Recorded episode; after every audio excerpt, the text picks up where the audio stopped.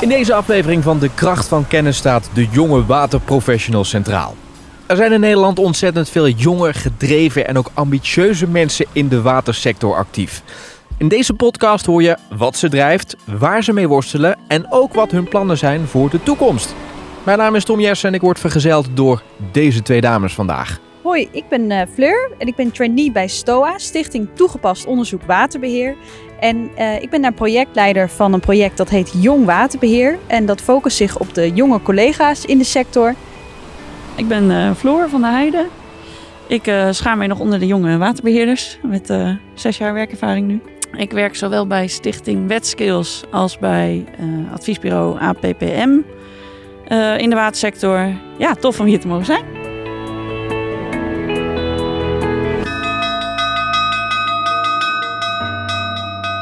En voor deze podcast zijn we ook naar een wel heel speciale plek gegaan. Nou, we zitten nu in de Amsterdam Noord Marina en we liggen hier tussen een cruiseschip en nog een, uh, een industrieschip. En aan de andere kant van ons uh, liggen ook nog allemaal zeiljachtjes. Er voerde net ook eentje voorbij. En ja, we zitten nu op de Ocean Diva en dat is een evenementenschip en daar gaat ook de Young Talent Day op 14 oktober plaatsvinden. En uh, die organiseert STOA omdat we 50 jaar jong zijn.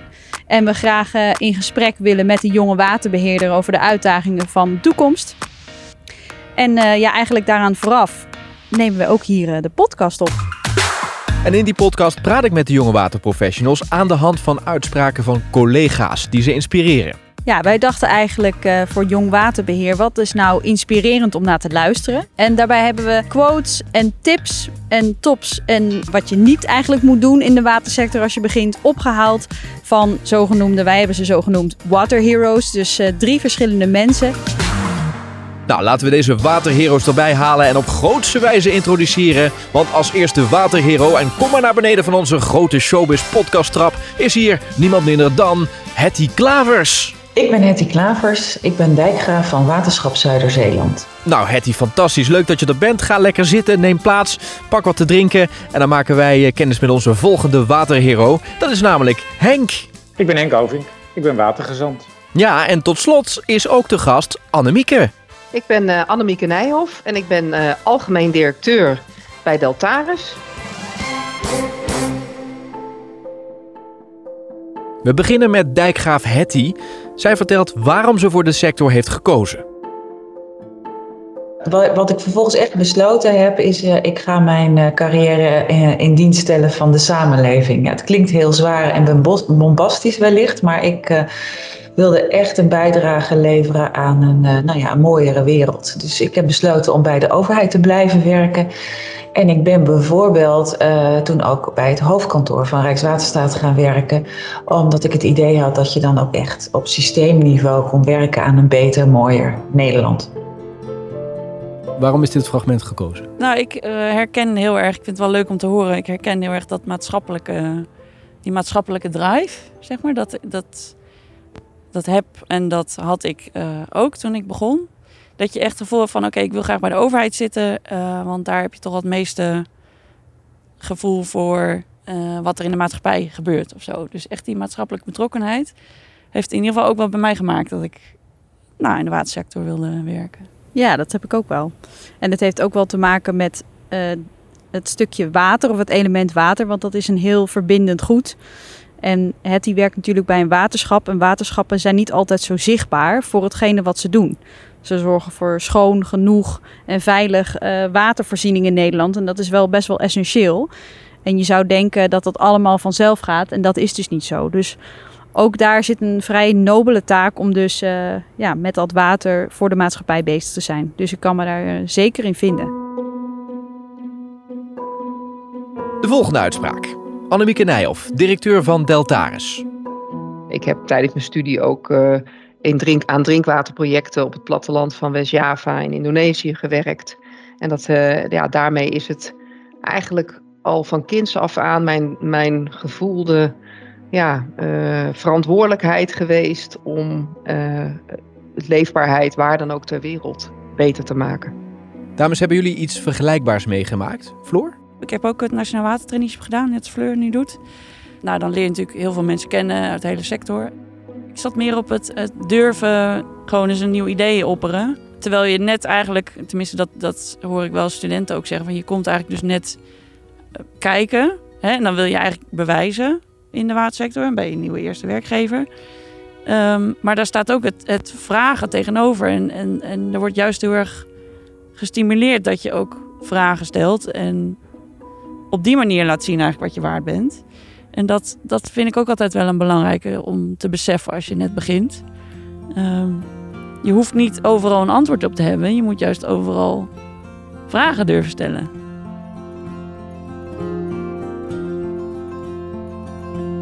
De vraagstukken waar wij mee te maken krijgen worden steeds complexer. Uh, die vragen om steeds meer verbindingen uh, tussen korte termijn en lange termijn. Tussen uh, het bodem- en watersysteem en het natuurlijk ecologisch systeem. Tussen de wereld van het geld en de wereld van de ruimte. En eigenlijk die kleine ervaring in Indonesië, dat, dat je alleen succesvol kan zijn als je het systeem in al zijn dimensies goed begrijpt, dat is alleen nog maar groter geworden. Dus ik adviseer waterprofessionals om echt de diepgang van hun vak serieus te nemen, maar tegelijkertijd ook uh, nieuwsgierig te blijven naar dat wat je niet geleerd hebt, maar wat er wel is. Dus waardeer en blijf werken aan je diepgang, maar wees ook nieuwsgierig naar de breedte. Watergezant Henk die legt uit waarom jongeren in de sector zo ontzettend belangrijk zijn. Wat het mooie is, uh, altijd, ook toen ik jong was en toen mijn ouders jong waren, is dat er bepaalde mate van lef, nieuwsgierigheid uh, en vermogen is uh, om dingen te bedenken en te doen uh, die nog tegen de stroom ingaan. En met, toen mijn ouders jong waren, zag de wereld er nog heel anders uit. Maar nu weten we inmiddels, hè, wat ik zei, die 99% van alles wat we doen drukt ons de verkeerde kant op. Dus het goede doen is steeds lastiger. En met jongeren helpen om vanuit die 1% die andere 99% uh, uh, op de kop te zetten, ja, dat is fantastisch. Uh, en daar zijn zij cruciaal bij, um, maar niet alleen. Inclusiviteit betekent met alles en iedereen, jong en oud, kwetsbaar en sterk, indigenous en geïnstitutionaliseerd. Iedereen is ook echt iedereen. Ik denk dat dat, dat drijft mij en dat vind ik het mooiste. En daarvoor is het super belangrijk dat die jongeren een plek hebben. En dan bedoel ik dus niet wat er in Korea gebeurde op het Wereldwaterforum. Waar jongeren het verslag mochten maken. Dat is dus debiel.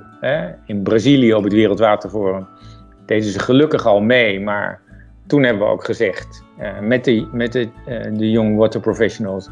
jullie moeten de agenda helpen maken. Hè, want, en, en die voor volwaardige positie... dan zie je jongeren ook echt excelleren.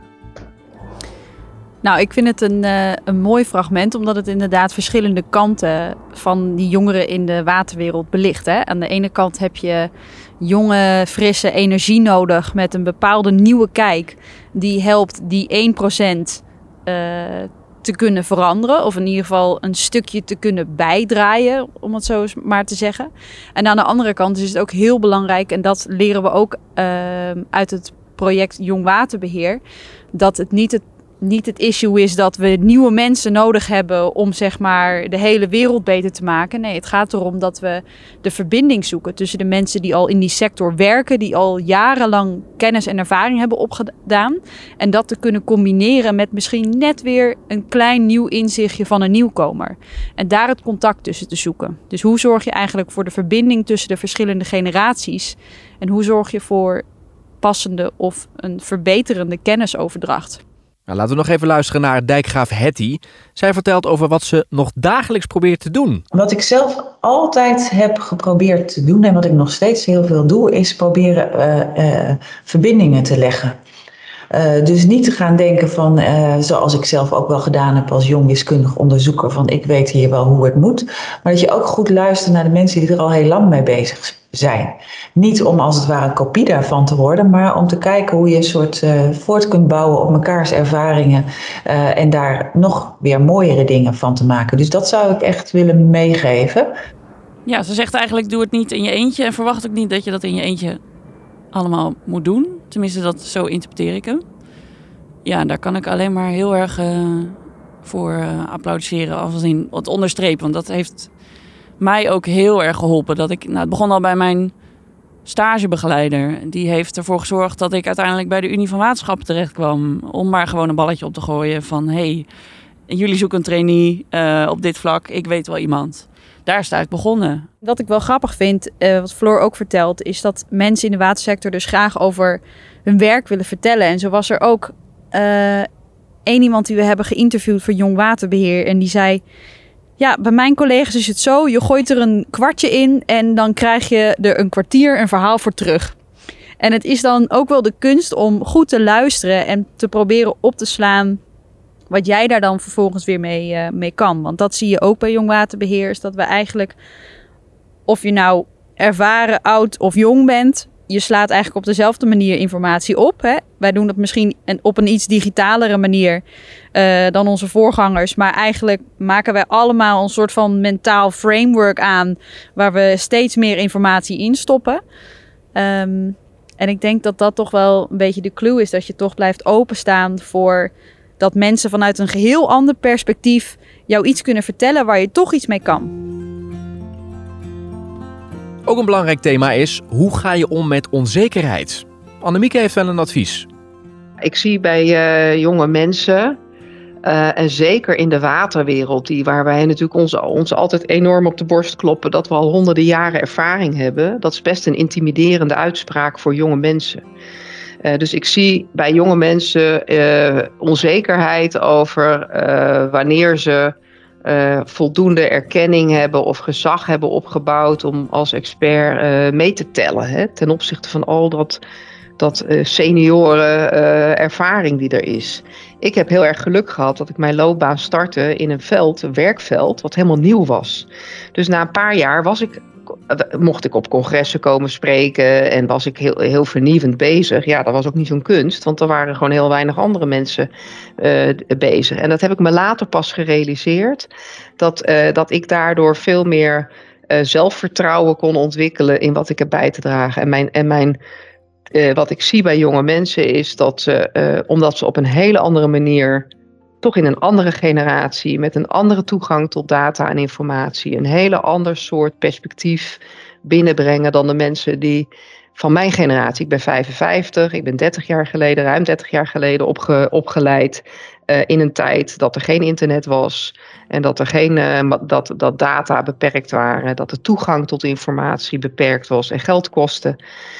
En uh, ik ben dus super nieuwsgierig naar wat die nieuwe generatie eh, te bieden heeft vanuit die andere manier van werken en denken die ze meebrengen. Dus mijn, uh, wat, ik herken het, soms het gevoel van ik, ben, ik kom pas net kijken wie zit er op mij te wachten. En mijn aansporing of mijn, mijn bemoediging is naar al die jonge mensen: uh, maak jezelf alsjeblieft niet kleiner dan je bent. Je brengt iets in wat wij niet hebben en niet kennen. En laten we dat daar vooral over en weer uh, het volwassen gesprek over hebben en de open dialoog. En het vraagt ook wel, als ik nog mag aanvullen, uh, niet alleen wat van de, het, het, vraagt lef van jonge mensen, maar het vraagt ook kwetsbaarheid van de meer ervaren mensen. Als je eenmaal 40 jaar bij een, een organisatie zit waar je nogal wat ervaring hebt opgedaan, ehm, dan vind ik het altijd echt een skill dat je dan nog steeds open staat voor nieuwe ideeën. En ik hoop gewoon dat ik zelf dat ook over 40 jaar kan zeggen van ik ben nu nog steeds zo leergierig als wanneer ik erin kwam. En ik heb alleen wat langer gewerkt. Zeg maar dat. Dus, dus het vraagt en nieuwsgierigheid van de minder, nou, de meer ervaren mensen en, en lef en uh, uh, nou, proactiviteit van de, jonge waterbeheer. Dat is dan misschien ook mijn tweede tip. Um, ik heb uh, heel erg vaak nagedacht over uh, hoe het nou is gegaan in mijn loopbaan en waar ik aan te danken heb dat ik heb mogen doen wat ik tot nu toe heb mogen doen in al die plekken waar ik gewerkt heb. En dan is de rode draad dat er altijd mensen in mijn omgeving waren, mannen, vrouwen, die uh, mij geholpen hebben. En die iets in mij zagen en mij kansen hebben gegeven om, uh, uh, om het uit te proberen. Om te vallen en me dan weer hielpen opstaan en me daarvan lieten leren. En ik, dat is mijn tip aan alle jonge mensen. Uh, stel jezelf ieder half jaar de vraag: heb ik iemand in mijn omgeving die mij gaat helpen? En die mij verder wil helpen en die iets in mij ziet? Ben ik zichtbaar genoeg? En mag ik rekenen op de toewijding van iemand die mijn talenten wil laten ontwikkelen, die mij leerervaringen wil laten opdoen, zodat ik kan groeien en bloeien? En als het antwoord op die vraag is eigenlijk niet. Ik zie niemand in mijn omgeving die dat voor mij zou willen doen. Nou, stel die vraag dan aan je baas: van joh, zie je het eigenlijk wel met me zitten? Maar blijf niet zitten in een omgeving waarbij je niet gezien wordt. Want niemand kan het alleen groeien, tot groei en bloei komen. En ik was niet geworden en, uh, wie ik vandaag ben als ik me niet gezegend had gevoeld met eigenlijk altijd mentoren, inspiratoren, steunpilaren in mijn nabije omgeving. Ik zou daar echt weinig aan toe kunnen voegen. Ik vond het zelf, um, toen ik voor het eerst het fragment hoorde, werd ik er heel enthousiast van. Had ik echt het idee dat, dat, ze, dat ze mij als persoon en ook andere waterprofessionals, waterbeheerders in de sector iets meegaf waar ik echt wat mee ga proberen te doen. Ik weet niet hoe dat voor jou was, Floor. Ja, en, en tegelijk ook uh, probeerde ik me te verplaatsen in. Uh de student die dan nu uit de schoolbanken komt en uh, net blij is dat hij zijn papiertje heeft gehaald in een specifiek vakgebied. En denkt hiermee ga ik aan het werk. En die heeft een baan gevonden. En er wordt hem dan dit gezegd, hem of haar. Um, beide. Dus, dus uh, sta voor wat je te brengen hebt. Uh, je, je frisse blik en je de input die je meeneemt van je studie. Maar blijf ook benieuwd en nieuwsgierig. En, dus het is nogal wat waar we voor staan. Dan de volgende, Henk Watergazant. Gaat over fouten maken. Die maken we natuurlijk allemaal. Maar hoe ga je daarmee om? Nou ja, ik maak elke dag wel een, domme fout. Uh, of meer. Hè. Dat is, uh, gelukkig niets menselijk is mij vreemd. Uh, en daar leer je ook heel erg van. Hè. Op het moment dat je um, een een wedstrijd uitschrijft of een challenge, niet echt een wedstrijd, maar je, je challenged partijen van over de hele wereld om mee te doen, uh, om te werken aan de opgaven die echt die toekomst uh, aankunnen. Je zegt, nou, zorg ervoor dat je teams bestaan uit mannen en vrouwen, jong en oud. Um, nou, dan moet je er niet van uitgaan dat dat vanzelf gebeurt. Hè. Je, uh, je moet continu iedereen blijven bevragen om zich te houden aan die ambities, want het gaat niet vanzelf. 99% van alles wat we doen maakt onze toekomst eigenlijk slechter. Dus op het moment dat je vertrouwt op het, uh, het, eh, dat het wel vanzelf gaat, gaat het niet goed. Nou ja, en dat vergeet ik soms ook wel eens. Ja. Fleur, wat valt je op? Dat het wel heel belangrijk is om continu je ambities te blijven communiceren. En uh, mensen daarin proberen mee te nemen. Want uh, je doet het niet alleen. Je moet zorgen dat je samen over de finish komt. En ja, het, het duurt lang om vertrouwen te bouwen. En het kost tijd om de juiste mensen weer bij elkaar te hebben. En om een bepaalde koersverandering aan te brengen.